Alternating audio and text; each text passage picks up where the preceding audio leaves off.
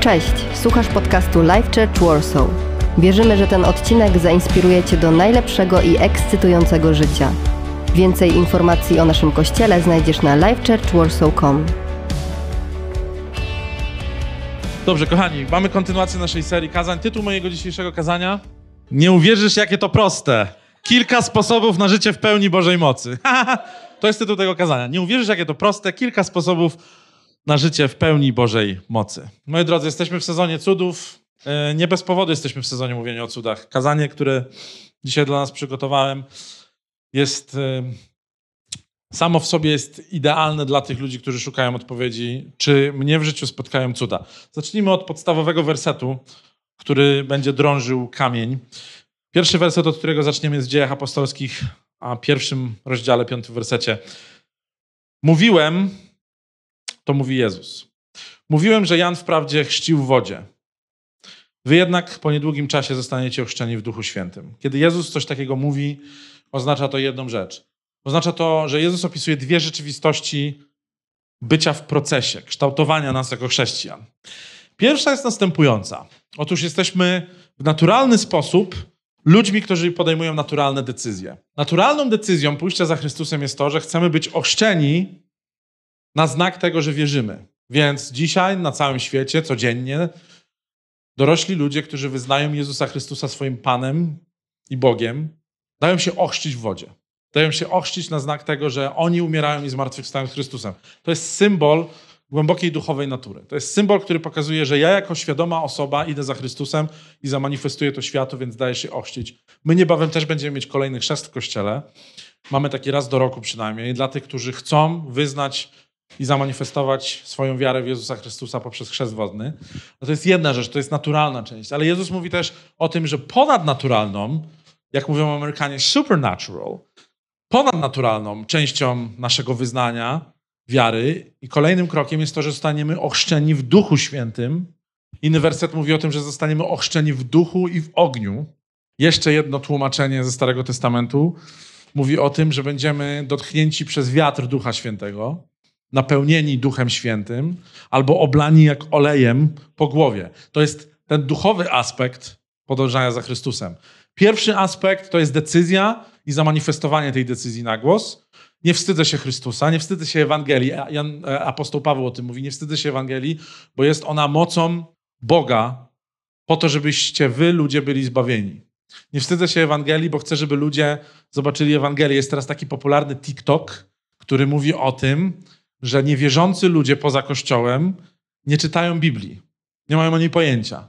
Ale niewierzący ludzie poza Kościołem, niekościelni ludzie czytają nas. Czytają nas jako chrześcijan. Więc ja mam problem z charakterem wielu chrześcijan, z hipokryzją wielu chrześcijan, którzy nie to, że udają, że są lepsi, ale z tym, że udają, że są święci, kiedy nie przechodzą przez proces uświęcania swojego charakteru. Bo to, że jesteś chrześcijaninem, jesteś słaby i mówisz o swoich słabościach, to nie jest hipokryzja, to jest zdrowa rzecz. Tak, Jezus mnie kształtuje, Jezus jest moim zbawcą, wierzę, że Bóg jest moim ojcem, wierzę, że jest coś więcej w życiu niż tylko to, co widzimy, ale nadal jestem upadłym człowiekiem, który popełnia błędy w procesie. To jest okej. Okay. Ale najgorsza rzecz, o której też tam mówi Ewangelia, jest hipokryzja ludzi, która mówi, że jestem, um, chodzę 7 centymetrów ponad chodnikiem, jestem tak święty, ja nie popełniam błędów, jestem chrześcijaninem, jestem najmądrzejszy, już wszystko wiem, jestem arogancki w stosunku do tego świata. Och, nie wierzysz w Jezusa? Widzę komentarze na Facebooku toksycznych chrześcijan w naszym kraju i myślę sobie, co za ludzie, co za kretyństwo. Jak można w ogóle głosić Ewangelię po prostu obrażaniem innych ludzi? Nie można tak robić. Także ta część naturalna jest dysfunkcyjna dla mnie. Jak jesteśmy chrześcijanami, jesteśmy tylko tutaj, w tej naszej ludzkiej mądrości, dałem się ochrzcić i jest Pan Jezus po mojej stronie, to spoko, ale jak nie przeżywasz dotknięcia Duchem Świętym, jak nie doświadczasz łaski przebaczenia, jak nie doświadczasz mocy Boga, jak nie doświadczasz otwartych drzwi cudów w swoim życiu, to znaczy, że tak naprawdę tylko naturalnie doświadczyłeś chrześcijaństwa religijnie doświadczasz chrześcijaństwa. Różnica między religią a relacją z Bogiem polega na tym, że religia to jest podążanie za, za zasadami, pokazywanie światu, że się za, za tymi zasadami podąża. Ale doświadczenie Boga to jest doświadczenie, w którym Jego duch ożywia Twojego ducha. Igusia, czy ja cię mogę poprosić na chwilę scenę? Czy możesz zagrać na chwilę rolę Ducha Świętego? Nie chodzi o to, żebyś zamieniła, zamieniła się w gołąbka. Okej, okay, to jest nasze duchowe doświadczenie, a to jest nasze naturalne doświadczenie. Chrześcijanie zaczynają tutaj. Dostają dotyk od Pana Boga, Jego łaski, otwierają oczy i widzą, że Biblia jest prawdą, że Ewangelia jest prawdą, że Jezus Chrystus za nas umarł. I teraz możemy sobie funkcjonować w tym naszym naturalnym egzystowaniu przez jakiś czas, ale tak naprawdę to jest tylko kolejna informacja, małe objawienie tego, że Jezus, oczy, ogromne objawienie, ale to ogromne objawienie powoli staje się małe, bo nie mamy mocy, nie mamy paliwa. W momencie, kiedy mówimy, Panie Boże, potrzebuję Twojej mocy, czytam o tej mocy w Biblii, zawsze wierzyłem, że chrześcijaństwo to jest tylko powtarzalne chodzenie do kościoła, spełnianie jakichś reguł, dziesięcioro przykazań, jakaś katecheza. To jesteśmy tutaj my. To jest nasz taki katolicki, polski sposób myślenia na temat chrześcijaństwa. Bez obrazy dla wielu katolików, którzy są ochrzczeni Duchem Świętym, ale mówię o takim, wiecie, nominalnym katolicyzmie, który jest w naszym kraju, nominalnym chrześcijaństwie. Tkwimy w tej strefie. Ale prawdziwa strefa komfortu i rozciągania i dyskomfortu potem, komfortu w Duchu Świętym i dyskomfortu w Duchu Świętym, to jest ten paradoks bycia chrześcijaninem, zaraz go wytłumaczę, polega na tym, że myślę sobie, jest coś więcej. Jest jakieś piękno. Jest jakaś moc. Więc chcę teraz zostać ochrzczony tą mocą i nie chcę już tańczyć sam, nie chcę już chodzić sam. Chcę w swoim życiu tańczyć w życiu, i chodzić za Duchem Świętym, chcę chodzić w pełni mocy. I nie jestem już ja, uwaga, jak mówi Ewangelia, ale jest też Chrystus, reprezentowany przez Ducha Świętego, który mnie zapieczętował. Chrześcijaństwo, w które wierzymy często, jest samotne, bo jest oparte na naszym pragnieniu, na naszym studiowaniu słowa na pamięć, ale chrześcijaństwo pełne mocy, to, które nas otwiera na cuda, to jest chrześcijaństwo, które Uczy nas tego, że potrzebujemy Ducha Świętego do tego, żeby nas prowadził, do tego, żeby otwierał drzwi za nas, do tego, żeby czynił rzeczy niemożliwe. Dziękuję bardzo. Słodka asystentka. Są dwie rzeczywistości cudu. Cud zaczyna się w tej pierwszej strefie od naszej decyzji pójścia za tą drugą rzeczywistością duchową.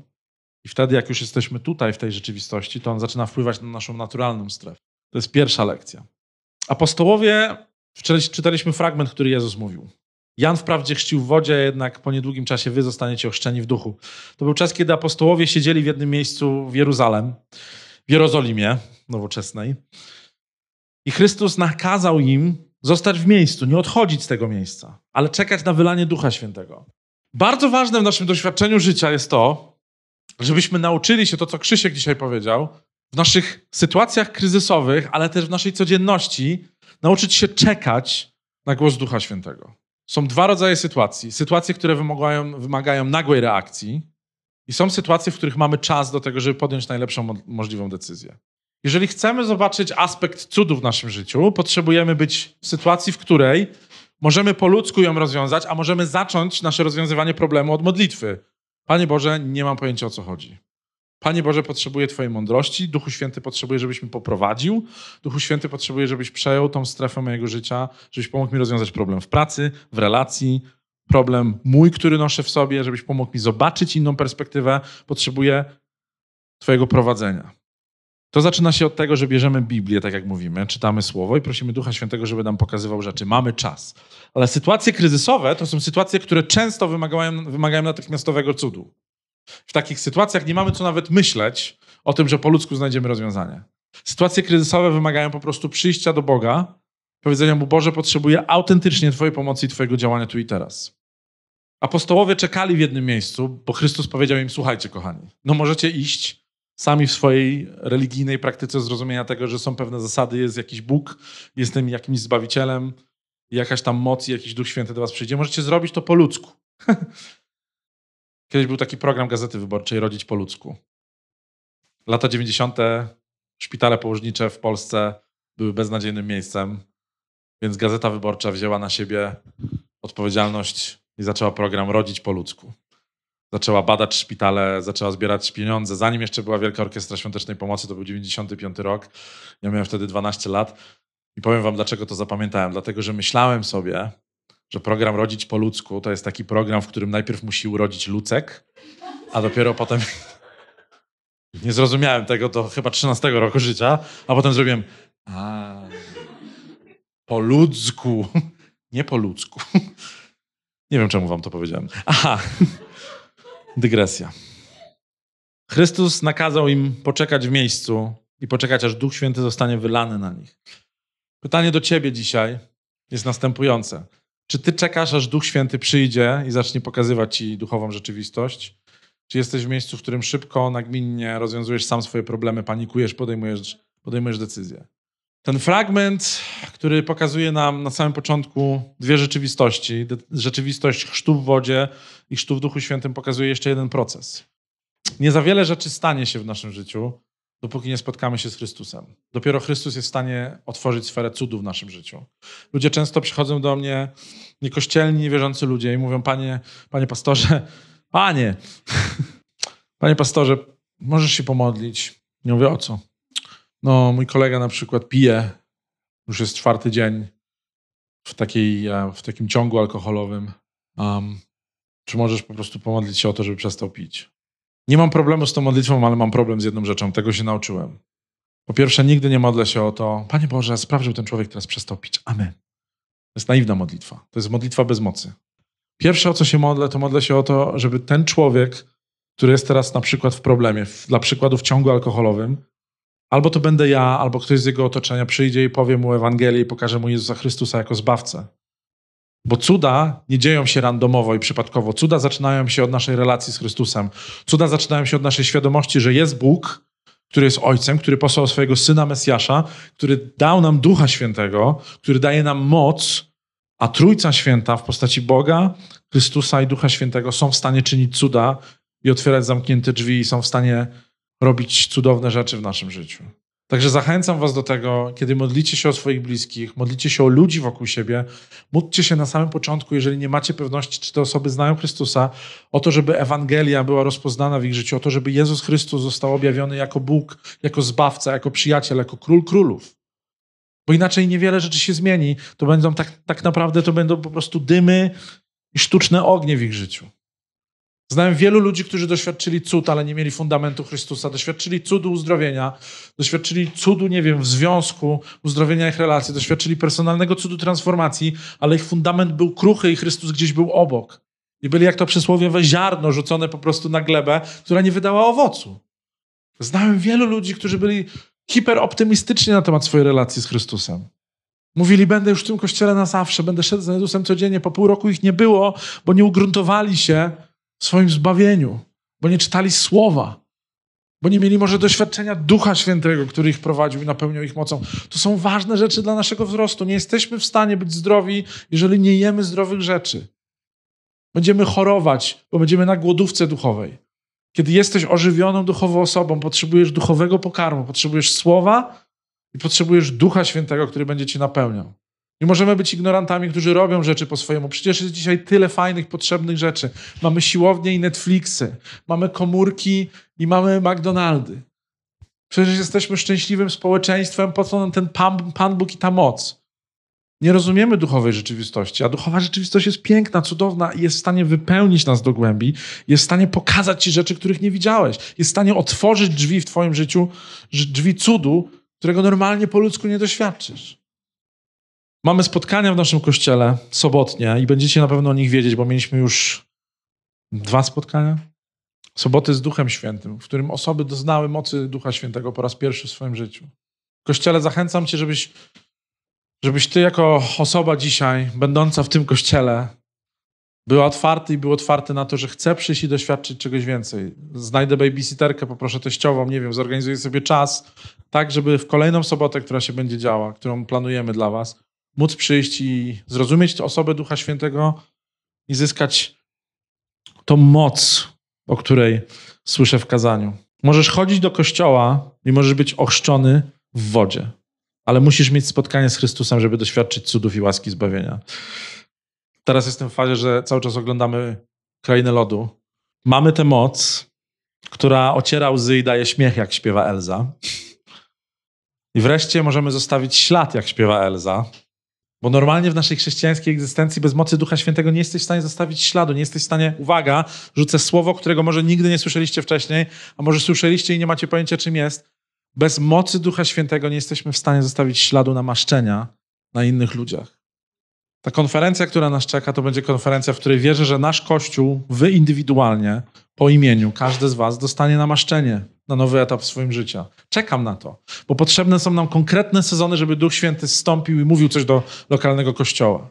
I wierzę, że jesteśmy przygotowywani od momentu, kiedy wybuchła wojna, momentu, kiedy się zmobilizowaliśmy jako Kościół, do momentu, w którym zaczęliśmy mieć spotkania w Duchu Świętym, bo poczuliśmy głód w Kościele, żeby zobaczyć coś więcej, a nie tylko nominalne chrześcijaństwo, bo potrzebujemy mocy, która po prostu rozwali nas od środka i po prostu będziemy robić dobrą rozpierdziuchę w tym mieście, duchową, zdrową, przyciągającą ludzi, dającą nadzieję i miłość i leczącą ludzi, duchową przemianę, która przyjdzie do tego miasta.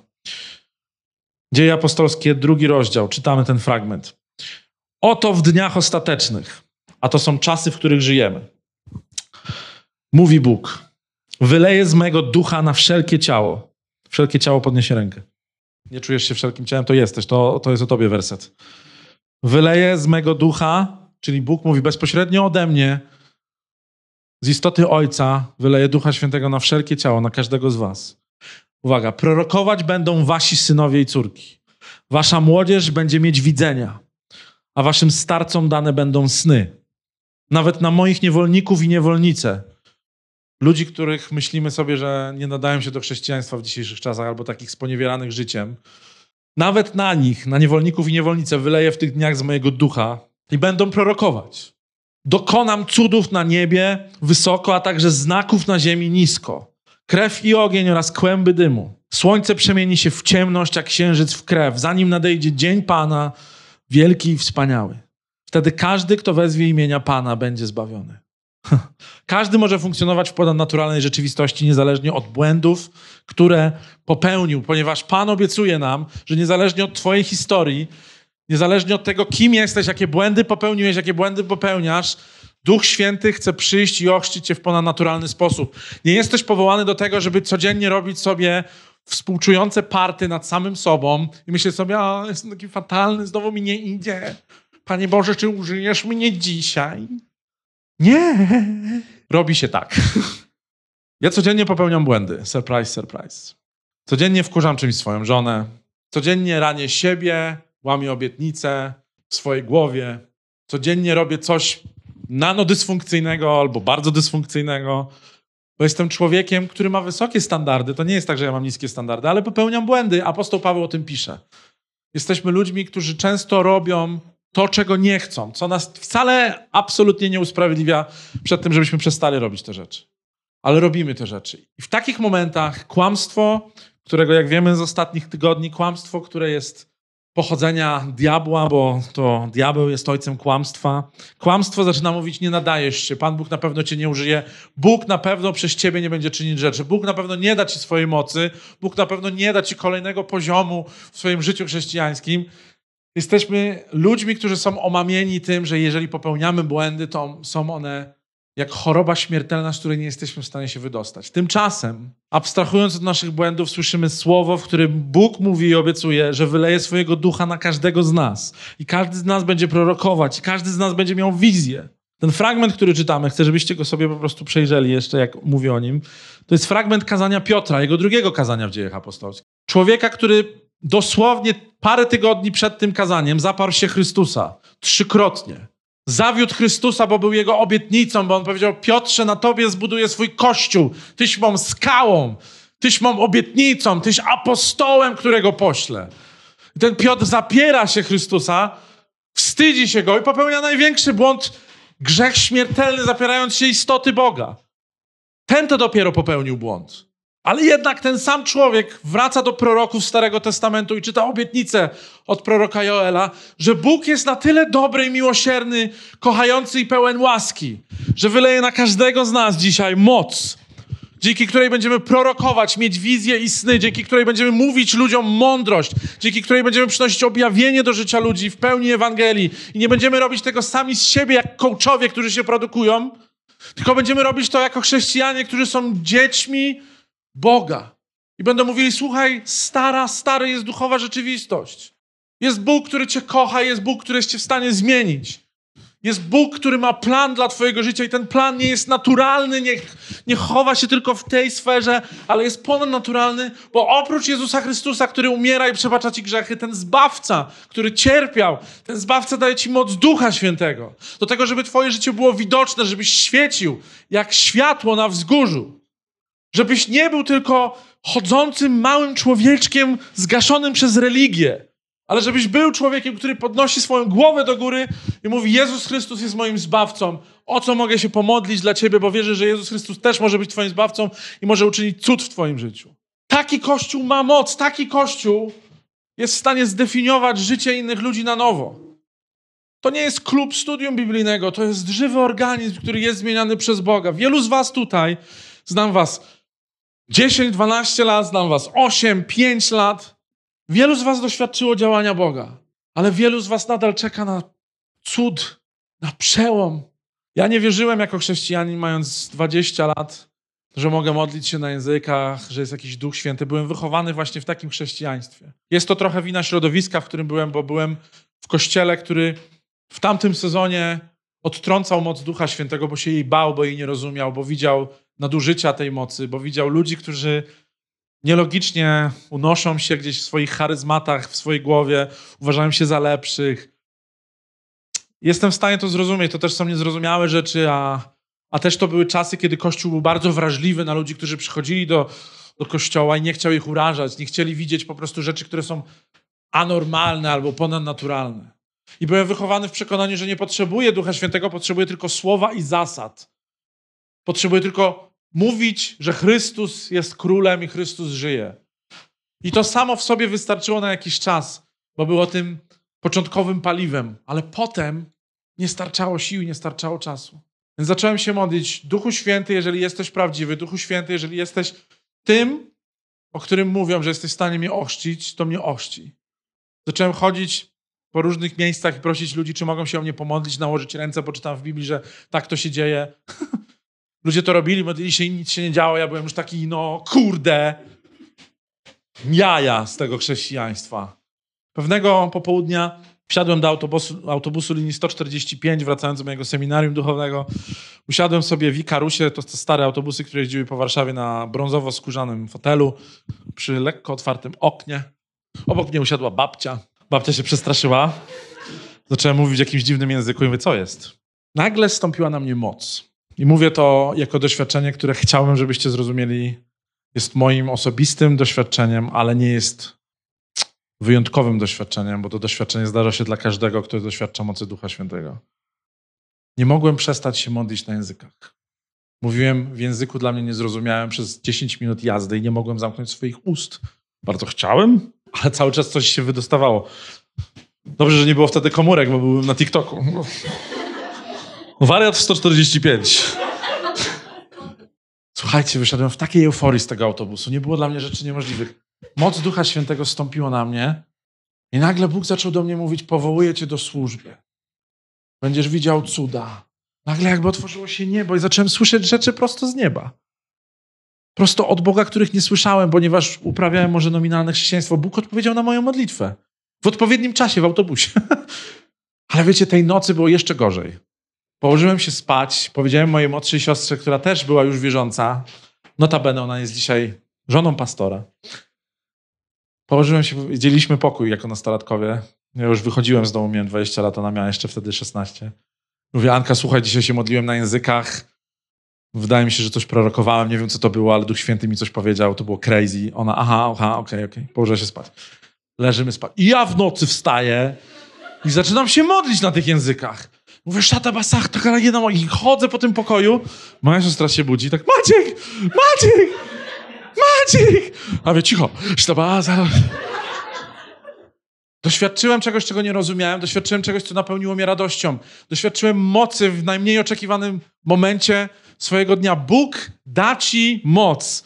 Bóg da ci doświadczenie Ducha Świętego, ale nie po to, żebyś tylko modlił się na językach, ale po to, żebyś miał wszystkie dary Ducha Świętego w sobie, o których możesz dowiedzieć się na naszym sobotnim spotkaniu z Duchem Świętym.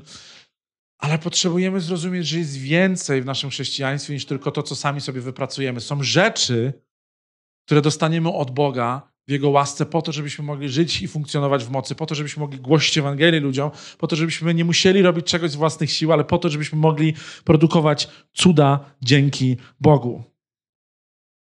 Jeśli zaparłeś się Chrystusa w swoim życiu, jeżeli zakurzyłeś Chrystusa w swoim życiu, jeżeli zaniedbałaś Chrystusa w swoim życiu, jak apostoł Piotr, nie ma to znaczenia, ponieważ możesz odwrócić się od tego, co zrobiłeś i powiedzieć, Panie Boże, potrzebuję Twojej mocy, potrzebuję Twojej odwagi, która płynie z Ducha Świętego, żeby zmienić jakość swojego życia. Potrzebuję doświadczyć cudów, bo chcę dzisiaj prowadzić inne jakościowe życie.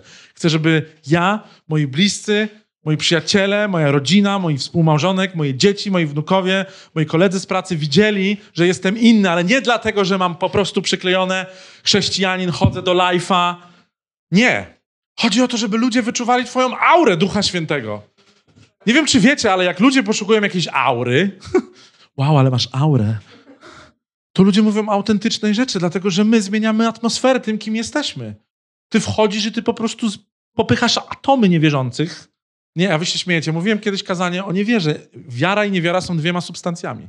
Są duchowymi substancjami. Jeżeli ja przychodzę z wiarą do jakiegoś miejsca, w którym jest niewiara, to jest bardzo trudno zrobić coś, muszę walczyć, ale jeżeli jesteśmy kościołem pełnym wiary, to znaczy, że jesteśmy w stanie zrobić o wiele więcej rzeczy. Jeżeli ty karmisz się słowem, w ogóle zacznijmy od tego, potrzebujesz słowa, żeby zacząć budować swoją wiarę. Nie jesteś w stanie przychodzić co niedzielę do kościoła raz w tygodniu i mówić, ale się naładowałem. Bo to tak jakbyś naładował swój telefon rano w niedzielę, dokładnie, dziękuję bardzo, na cały tydzień. No jo. No nie da się. No nie wiem, chyba, że masz powerbanka, który jest, a Biblią. Bardzo mi zależy na tym, żebyśmy nie byli ludźmi stagnacji, żebyśmy nie byli ludźmi, którzy sobie myślą, chodzę sobie do fajnego kościółka, jest bardzo fajny vibe. Nie, nie jesteśmy kościołem, który po prostu, ja nie wiem, naprawdę nie chcemy być w tym miejscu, nie chcemy być utknięci. Wiecie, ja utknąłem w oponach. I zobaczycie to na TTV w połowie października. Utknąłem w oponach. Ale nie, że jestem za duży czy coś. Nie miałem siły po prostu się wydostać przez te opony. Byłem już tak zmęczony. I myślę sobie, ty dzisiaj może utknęłaś i utknąłeś w jakimś miejscu w swojej głowie na temat Boga, który jest w stanie zrobić o wiele więcej niż prosimy, albo się modlimy, albo sobie wyobrażamy. List do Efezjan mówi nam, Bóg jest w stanie uczynić o wiele więcej. Ale to wszystko zaczyna się od naszej decyzji, że wychodzę tylko z tego miejsca komfortu, które znam na temat naturalnego chrześcijaństwa, czytania Biblii, objawienia Jezusa, które dostałem od Boga i zostaję w tym miejscu, bo mi jest bezpiecznie. Nie. Jest to wiele więcej. Jest to wiele więcej cudów. Potrzebujemy uzdrowień. W tym kościele potrzebujemy uzdrowień cielesnych od naszej przeszłości. Tak bardzo chciałbym zobaczyć wiarę, która tryska jak świeże źródło z tego miejsca. Tak bardzo chciałbym zobaczyć, że jesteśmy w piękniejszym miejscu. I wiem, że jesteśmy w stanie to zrobić. Widzę mężczyzn w tym kościele, naprawdę widzę mężczyzn, którzy są silni psychicznie, silni emocjonalnie i są gigantami duchowymi. Którzy przynoszą całe swoje rodziny i są świadectwem dla wszystkich innych, że można mieć zdrowe standardy, mocny fundament. Widzę kobiety, które są szczęśliwe, które są pełne życia, ale nie dlatego, że przeczytały kolejne ele i wywiad, nie wiem, z jakąś celebrytką, tylko dlatego, że są pełne mocy Ducha Świętego i są w stanie rozumieć, czym jest prawdziwe chrześcijaństwo. Chrześcijaństwo, które opiera się na cudach, chrześcijaństwo, które opiera się na mocy Bożej, która nas prowadzi, która niszczy mury, która przeprowadza nas przez ciemne doliny, która zaprowadza nas na góry. Studenci Chrystusa, a tym jesteśmy, jesteśmy uczniami Chrystusa, to jest w naszym manifestie. Uczymy się Chrystusa, chcemy być jak Chrystus, chcemy poznawać Jego drogi. Studenci Chrystusa to są ludzie, którzy hmm, nigdy nie uczą się ponad to, co mówi Biblia. Nigdy nie uczymy się ponad to, co mówi Biblia. Ona jest podstawą, dlatego potrzebujesz czytać Słowo Boże. A Duch Święty, który jest pełen mocy, nie jest nam dany po to, żebyśmy teraz byli ponad Biblią, ale po to, żebyśmy mogli widzieć to, co jest w Biblii w naszej rzeczywistości. Widzieć uzdrowienia i widzieć cuda, widzieć działanie Boga, widzieć pełnię Jego manifestacji w naszym życiu, widzieć nasz charakter, jak się zmienia bezwysiłkowo dzięki mocy Ducha Świętego. Budzić się każdego dnia lepszymi tylko dlatego, że karmimy się Słowem Bożym, a nie jakąś ludzką filozofią. My jesteśmy głęboko duchowymi ludźmi, jesteśmy głęboko poranieni i potrzebujemy właściwego lekarstwa. Jeśli masz kaszel, paracetamol ci nie pomoże, ponieważ paracetamol usunie ból, ale kaszel zostanie. Jeśli dzisiaj czujesz się potępiony w grzechu, potrzebujesz zbawienia Chrystusa. A jeśli dzisiaj czujesz się bez mocy, potrzebujesz Jego mocy w Duchu Świętym, potrzebujesz przyjść do źródła mocy. Potrzebujesz właściwego lekarstwa, potrzebujesz właściwego źródła, które da ci właściwe rozwiązanie. Zaśpiewajmy tę piosenkę, niech ona będzie naszym uwielbieniem, ale w tym uwielbieniu, Kościele, czy mogę was prosić o to, żebyście, jeżeli nie pogodziłeś się z Chrystusem, jeżeli jesteś z daleka od Boga, jeżeli myślisz sobie, wow, od dawna pierwszy raz słyszę takie słowa, rodzi się we mnie pragnienie powiedzenia, Panie Boże, przychodzę do Ciebie, Panie Jezu, chcę przyjść do Ciebie, zrób to w prostej modlitwie, ale jeżeli jesteś osobą, która potrzebuje dzisiaj napełnienia mocą, potrzebujesz Ducha Świętego, bo go nie doświadczyłeś, to też to powiedz dzisiaj w uwielbieniu. Będziemy teraz śpiewać przez chwilę, będziemy się modlić. Mamy nadzieję, że ten odcinek Cię zainspirował. Nowe odcinki ukazują się co tydzień. Pamiętaj, że możesz odwiedzić nas w każdą niedzielę, a więcej informacji o naszym kościele znajdziesz na livechurchwarsaw.com.